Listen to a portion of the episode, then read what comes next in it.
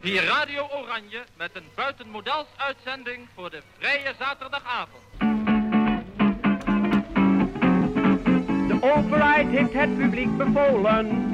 Als het donker is, dan moet het donker zijn. Er mag geen enkel licht naar buiten schijnen. Doe verduistering, papier voor je gordijn. Anders dan...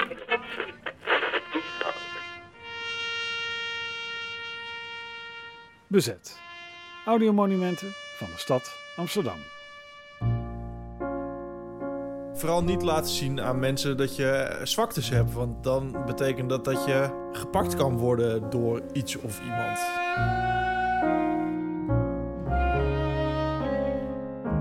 Mijn oma zelf heeft de brieven nooit gelezen trouwens. Dat kon ze niet.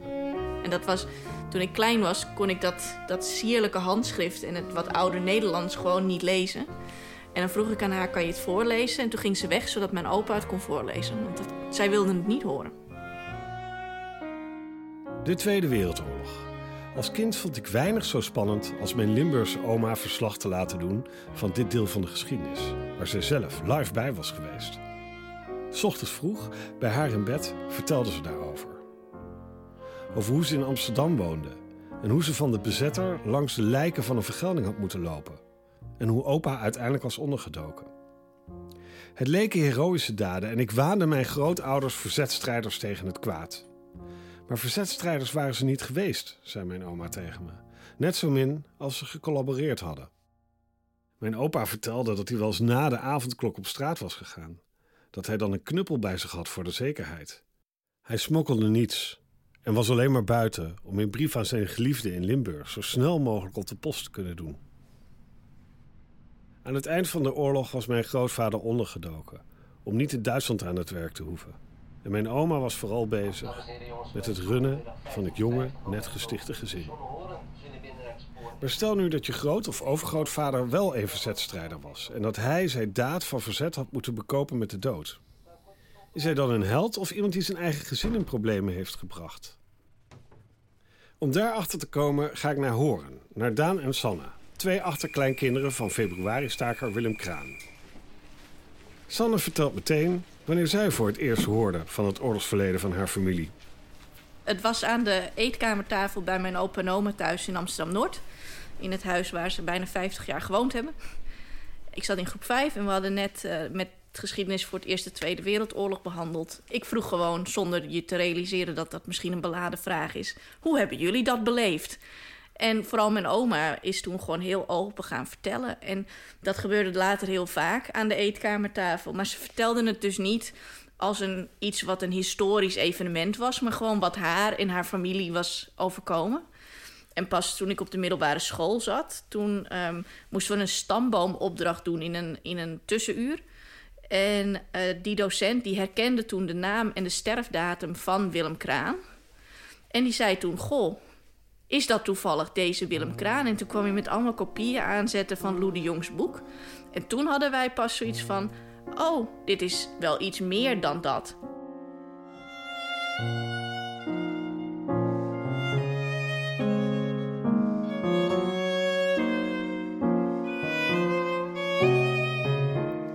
Willem Kraan, de grote aanjager van de februari-staking. Hij was stratenmaker en hij woonde in Amsterdam-West. Eerst aan de Mercatorstraat 7 hoog en vanaf 1941 aan de Orteliusstraat 283 3 hoog. Hij woonde daar samen met zijn vrouw Elisabeth Kolder, Bets voor Intimi, en dochter Katrientje. Hij was op weg naar zijn schoonouders op de Nieuwmarkt toen hij op 23 februari 1941 op een razzia stuitte. Hij liep daar uh, langs. Dat was, uh, hij moest op, op weg daar naar zijn familie toe, moest hij langs uh, door de Joodse buurt heen. En hij heeft daar gezien wat daar gebeurd is. En nadat hij bij zijn familie geweest is, is hij toen naar zijn goede vriend, die hij heeft leren kennen bij de communistische partij, Piet Nak, toegegaan. En daar schijnt hij in huilen uitgebarsten te zijn vanwege alle bizarre dingen die hij daar op straat gezien had. En alle gruwelijkheden die de Duitsers begaan. Um, en dat heeft hij verteld aan Piet Nak. En uh, hij heeft samen met Piet heeft hij beslist... we gaan vanavond nog... gaan we een bijeenkomst van de communistische partij bij elkaar roepen... En wij moeten hier iets mee gaan doen. Nou, hij is op de fiets gestapt, samen met Piet Nak. En zij zijn uh, rondgegaan. En zij hebben dus allemaal mensen verzameld. En die mensen, samen, samen met die mensen, zijn zij samengekomen op de Noordermarkt. Uh, en op de Noordermarkt is hij gaan staan op een houten kistje. En op dat, vanaf dat houten kistje heeft hij een menigte van, naar schijnt 400 man, heeft hij toegesproken. En uh, hij heeft verteld wat hij gezien heeft. En hij heeft ze aangespoord om te gaan staken. En ook de volgende ochtend is hij, uh, zijn ze rondgegaan om, op de fiets om iedereen uh, op te roepen om te gaan staken. Ja. En volgens mij ook pamfletjes uit te delen. Van staak, staak, staak. Ja.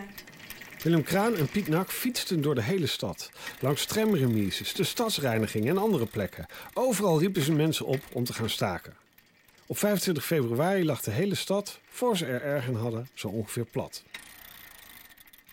De staking die Willem en Piet in gang zetten was spontaan, maar de CPN was al enige tijd bezig om iets van een staking te organiseren.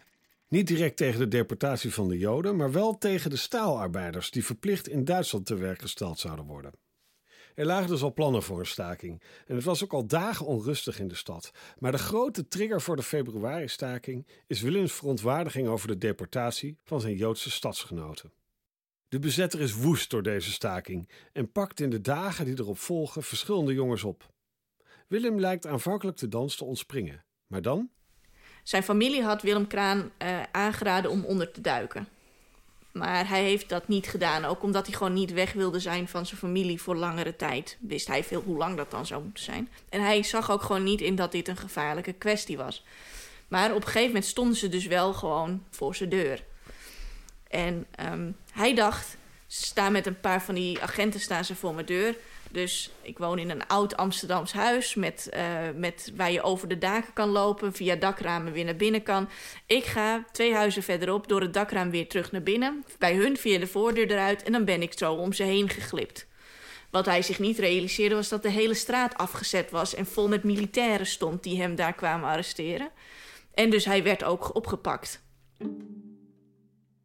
Willem Kraan werd vastgezet in het Lloyd Hotel, dat toen dienst deed als gevangenis. Daarna werd hij overgeplaatst naar de Weteringschans. Willem zit daar in de gevangenis. Hij wordt verhoord en gemarteld. En Bets bleef alleen achter. En zijn vrouw en dochter zaten in ene met z'n tweeën thuis, zonder inkomsten, zonder, zonder, zonder iets. En uh, zijn vrouw Bets, die uh, werd ook in ene benaderd. Eerst door, door vriendelijke jonge mannen. Die zeiden dat ze ook bij de CPN hoorden. En dat ze meer informatie nodig hadden om Willem te kunnen helpen. Later ook door andere mannen. Die zeiden dat ze uh, met de Duitsers hadden samengewerkt. En dat als zij nou de namen zou geven, dat Willem gewoon vrij zou komen.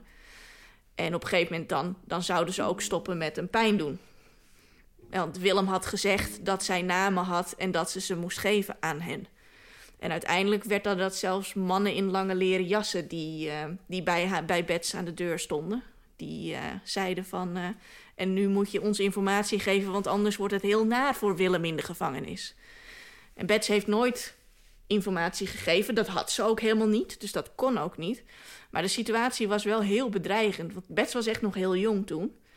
En ze is toen samen met, met mijn oma, met Katrientje, is bij vrienden in huis gaan wonen. Niet echt in een onderduiksituatie, maar ze hebben nooit doorgegeven dat ze verhuisd waren. Katrientje ging nog wel naar school, maar die mocht ook niet meer op straat spelen en dat soort dingen. Die moest wel binnen blijven. Bets mocht Willem niet in de gevangenis opzoeken. Ook niet toen hij al ter dood veroordeeld was. Soms mocht hij haar een brief schrijven, maar zij mocht hem dan weer niet antwoorden. Wat wij ook weten, en ik heb die ooit als klein meisje nog wel gezien, is dat er ook veel communicatie geweest is via de uh, vloeppapiertjes.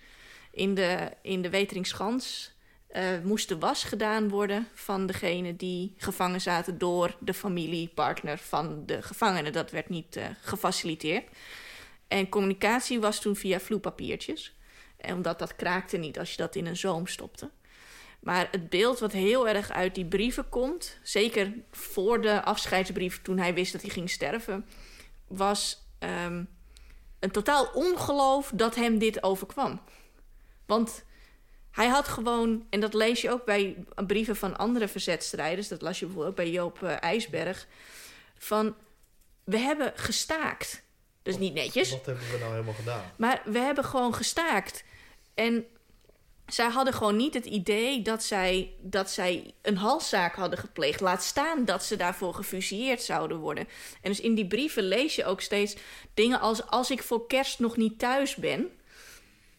wat dan over twee weken is... zorg dan wel dat er voor Katrientje, dus zijn dochter, een, een, een kerstboom is. Of zo, weet je? Dat je denkt van...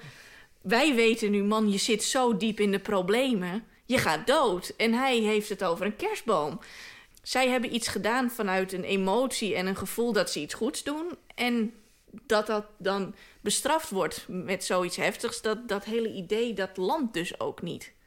Willem Kraan werd op 19 november 1942 in Soesterberg gefusilleerd. Bets bleef als jonge vrouw met haar dochter achter. Het verzet hielp ze een beetje in het levensonderhoud en Bets deed voor hen wat kleine han- en spandiensten terug.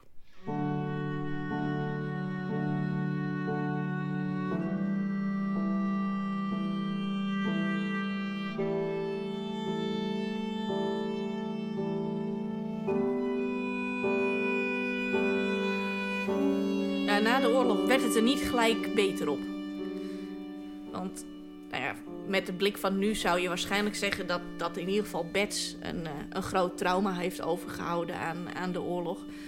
En die, uh, die vertrouwde helemaal niemand meer. Dus die heeft met alle familieleden en alle relaties de banden verbroken. Is helemaal opnieuw begonnen in er eentje. En heeft daarin ook een hoop rare beslissingen genomen. Dus uh, zij heeft bijvoorbeeld ook een tijd lang zwart gewerkt naast een uitkering. En uh, ze werkte dus altijd op de momenten dat, dat haar dochter, mijn oma, thuis was. Dus mijn oma heeft zichzelf altijd moeten opvoeden. Er was altijd voedsel in huis en kleding en, en, en, en, en de basisbehoefte was er. Alleen, ja, aandacht was er niet, want uh, de moeder was altijd aan het werk. En uh, toen, toen kwam er nog eens een extra klap, want ze werd dus door de buren verraden dat ze dus zwart werkte. Dus toen moest ze die uitkering nog terugbetalen. Dus de eerste jaren na de oorlog was, waren eenzaam en arm. Echt straatarm. En ze zijn altijd, en dat is echt van generatie op generatie doorgegeven, ongelooflijk angstig. Uh, uitspraken als de muren hebben oren en wat hier binnen gebeurt blijft hier binnen. Uh, we, gaan de vuile was niet buiten hangen door naar een dokter te gaan. Ook dat soort, uh, dat soort dingen alleen al. Daar zijn wij zelfs nog mee opgevoed. Willem Kraan wordt alom gerespecteerd voor zijn daden. Er werden straten naar vernoemd. Hij kreeg een standbeeld en de hoogst mogelijke onderscheiding voor verzet tegen de Holocaust, de Yad Vashem. Toch had Bets de neiging het allemaal zo klein mogelijk te houden. Ik ging met mijn oma vaak naar de markt op plein 40, 45. Ik heb tot me hiermee bezig nooit geweten dat er een straat en een standbeeld van hem was. Dat heb ik nooit geweten. Wat we wel deden was, hij is begraven op de Ooster. En we gaan nog steeds elk jaar daar naar het monument op 4 mei. En uh, daar gingen we altijd of voor of na de, de grote herdenkingstoet met de burgemeester. Mijn oma wilde dat niet in, in het openbaar doen. Dat deed ze niet.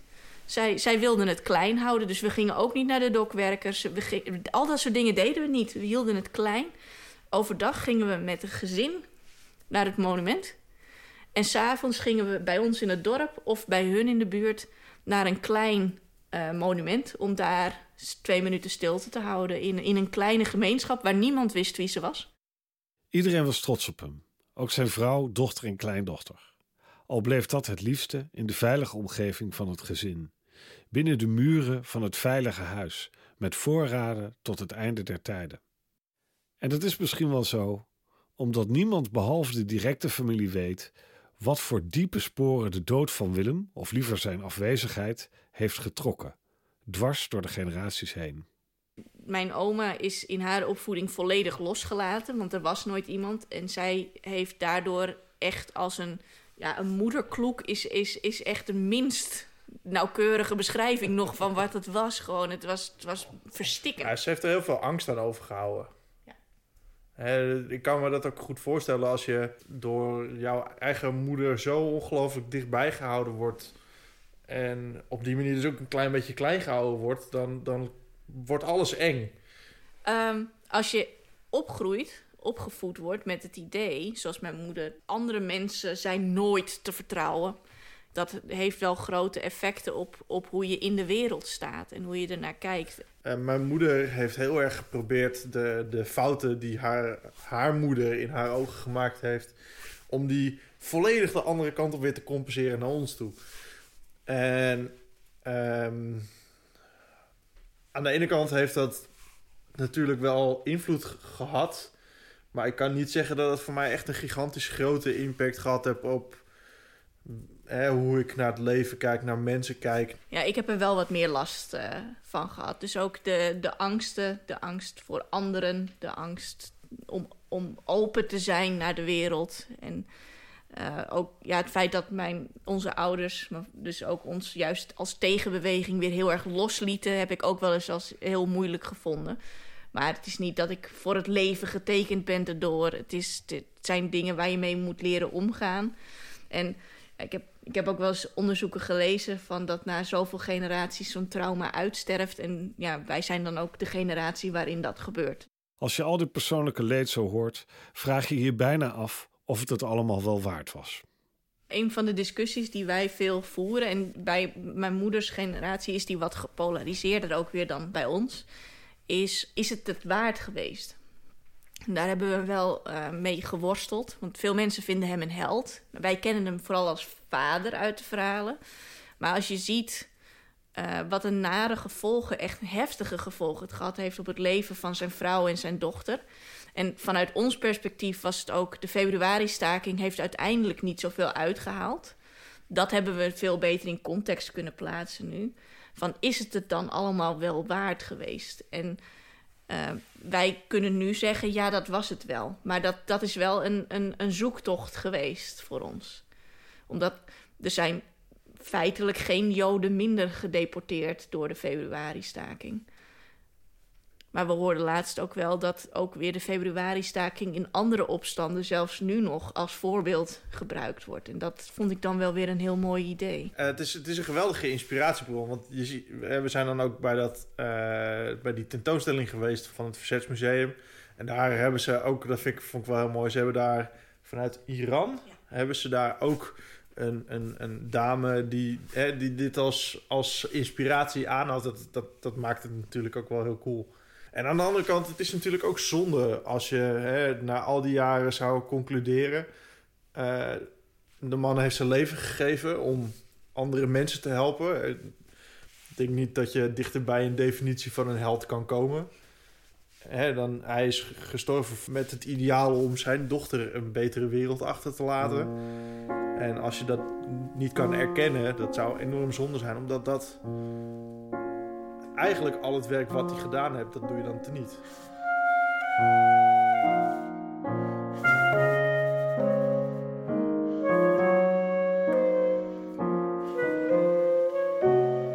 Je luisterde naar Een Stratenmaker Staakt. Een podcast gemaakt door Pieter Bas van Wiegen in opdracht van het Amsterdamse 4 en 5 mei-comité en het Joods Cultureel Kwartier.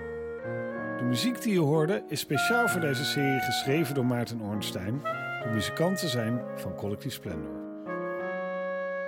Dit is bepaald niet de enige podcast over de februari-staking die dit jaar is verschenen. Twee daarvan, Wees moedig en Staakt, Staakt, Staakt, hebben meerdere delen en gaan daardoor dieper op de zaken in. Ik kan ze iedereen die meer wil weten van harte aanbevelen. Een speciale shout-out tenslotte voor redacteur Merel Meijvogel, die op de achtergrond van onschatbare waarde is voor deze podcast.